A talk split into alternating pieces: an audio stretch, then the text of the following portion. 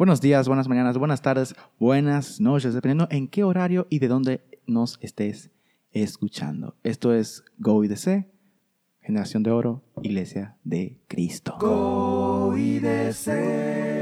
Y en esta ocasión nos encontramos Iván Tavares. y su servidor, su amigo fiel, Samuel Sánchez, ya después de unas vacaciones extensas, pero gracias a Dios estamos de vuelta.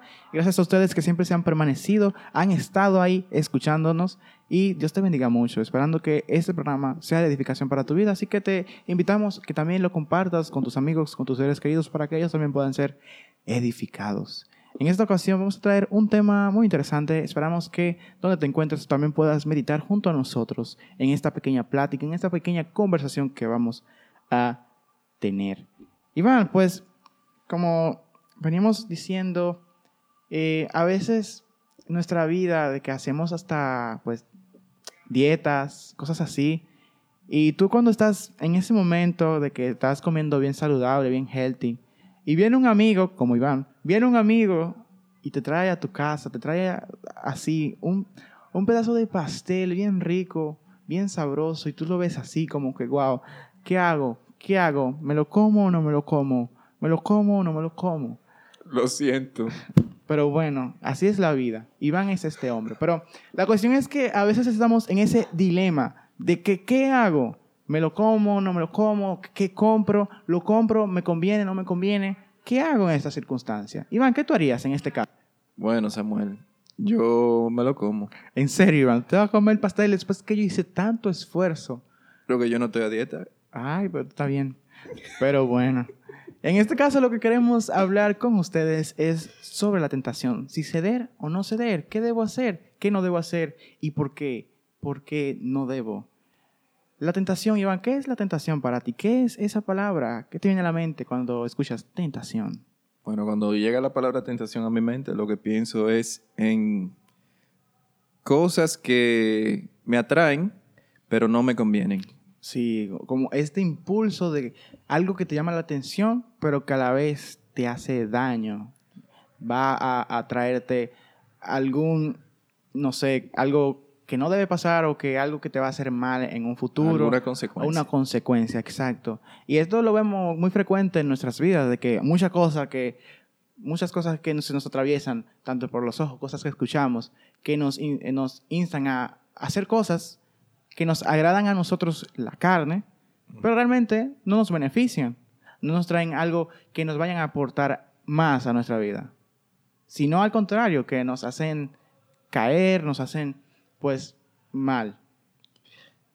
Bueno, así es, Samuel. eh, mayormente cuando llega una tentación a nosotros, siempre es para algo o que nos debilita espiritualmente o físicamente en lo secular nos hace daño. Sí, entonces en ese momento no saben, no, no- estamos en ese dilema de que, ¿qué hago? Sí, no, no, sí. Y es difícil realmente. Y nosotros como, como jóvenes también tenemos muchos, muchas tentaciones a diario. Que en el trabajo, que en la escuela, que hasta cuando no somos los únicos cristianos en, nuestra, en nuestro hogar. Eso es correcto. Es, es algo sumamente difícil cuando, aún habiendo nacido en la iglesia, nuestro entorno nos relacionamos con personas que tienen un, un modo de vida, una forma de ver las cosas diferente a nosotros. Entonces llegan cosas que uno no haría, eh, pero al tú ver que todo el que está ahí es como normal, no- eh, mentalmente uno va normalizando ciertas cosas. y te que, ves influenciado también. Sí, cosas que sabemos que no están bien. Y hay algo dentro de nosotros que nos dice, no está bien, no lo hagas, no lo hagas, no lo hagas. Pero hay algo ahí que te está diciendo que, pero anímate, prueba, mira a ver. eh. Y ahí es que tenemos que tomar una decisión. Total, bien fuerte que es ese caso. Pero lo importante de todo esto es que como cristianos encontramos un apoyo súper, súper grande en las escrituras.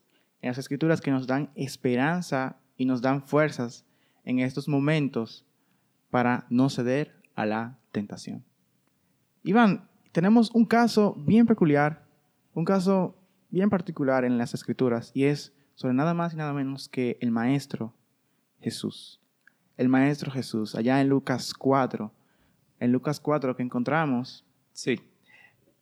Vemos como el Espíritu Santo lleva a nuestro Maestro, el Señor Jesucristo, al desierto, donde pasa eh, 40 días en ayuno y en oración, y luego se ve tentado por el maligno, tentándolo directamente con la palabra. Gracias a Dios que nuestro Señor Jesucristo tenía pleno conocimiento de la palabra y con la misma palabra se defiende. Claramente, claro que sí, porque Jesús es el mismo Dios. Jesús es.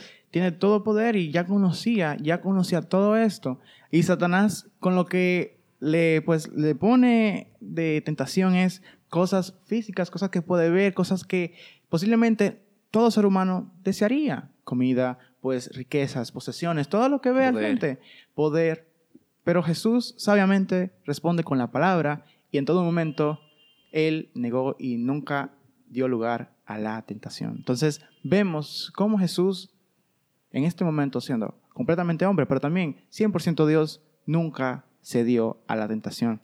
Y es algo que debemos nosotros de entender, debemos nosotros de conocer que aunque nos encontremos en nuestra vida con tentaciones, con situaciones, con pruebas de esta índole, no debemos de ceder. Amén.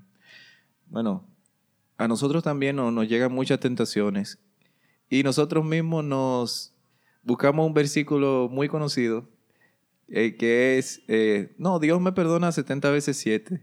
Y nos, como que, ah, sí, pues Sí, el sí, Señor es- Dios me perdona. El Señor es todo, todo perdonador, el Señor me va a perdonar aunque yo falle en esto.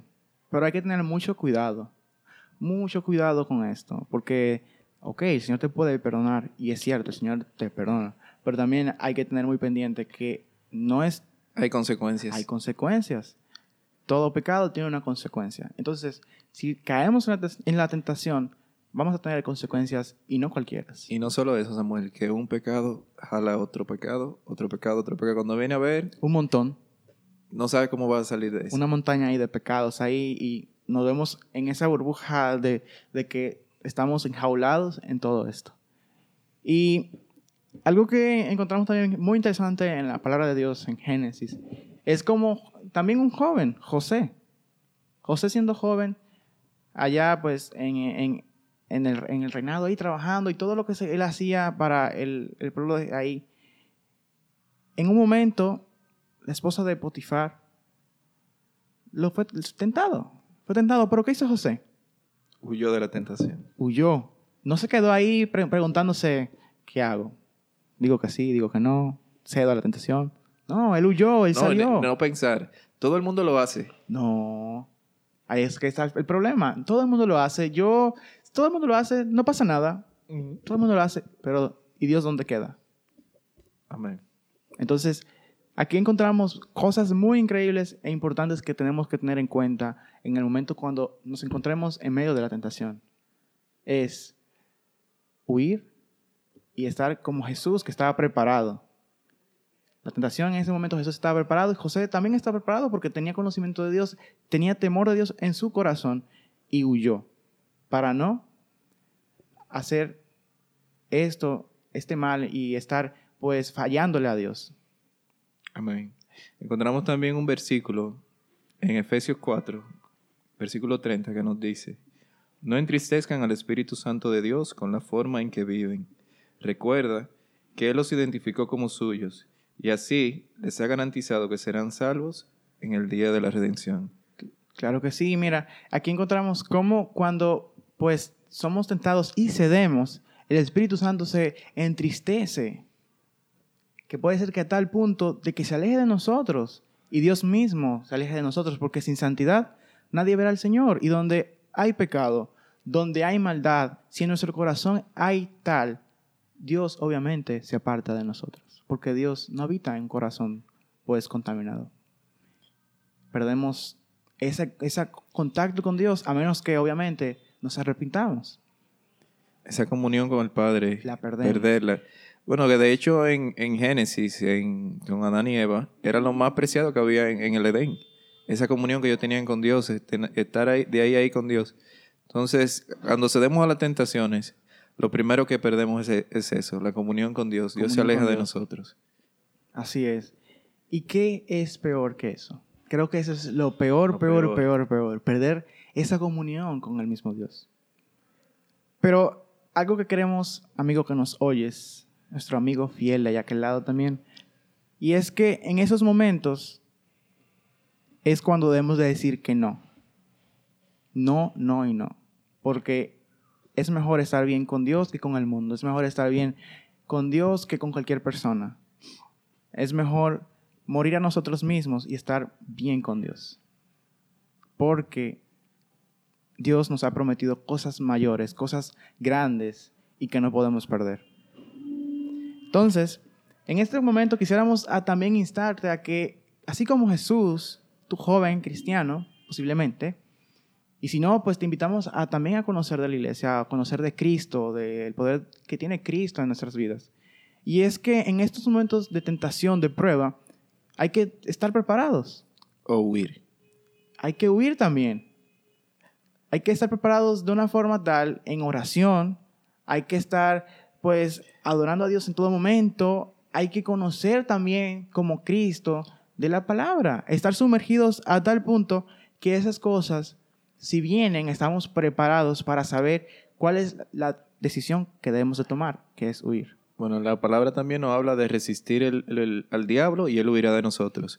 Pero para resistir al diablo tenemos que estar como estaba Jesucristo en el desierto, preparados. preparado en todo momento. Así como cuando un soldado se prepara para la batalla, no es que está comiendo ahí unas hamburguesas, una pizza, que no hace ejercicio, que no, que se queda dormido un rato. No, comienza a ejercitarse, comienza a prepararse las tácticas, todo, todo, todo, para cuando llegue el momento estar listo y preparado para lo que venga.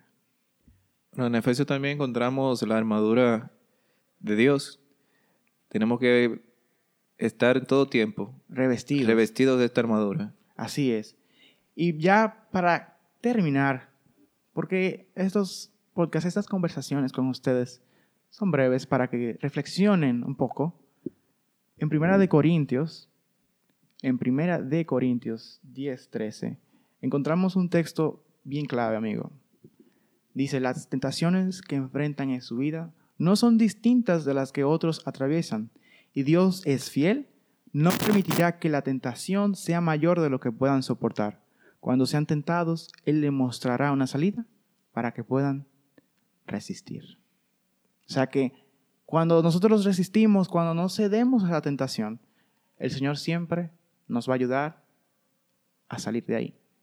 Hay que estar vigilante de, de esa salida porque la salida está ahí. Está la tentación, pero también Dios nos da la salida. Amén, así es. Entonces, tú que nos oyes en esta ocasión, te invitamos a que nunca cedas a la tentación y también a que estés preparado en todo momento. Que tu vida espiritual, tu vida con Dios, esa comunión con el Señor, siempre esté activa 24/7, todos los días de la semana, en todo momento, para que estés listo para lo que venga. Así que de este lado estuvimos Iván Tavares. y su servidor, su amigo fiel, Samuel Sánchez. Nos pueden seguir en nuestras redes sociales Iglesia de Cristo en República Dominicana. y también en nuestro Instagram, en el Instagram en el cual puede verificar cuando subimos un podcast nuevos y también los posts y las demás publicaciones que tendremos en Instagram como GoIDC. Así que Dios te bendiga, nos vemos en una próxima ocasión y la paz de Cristo sea contigo. Bye.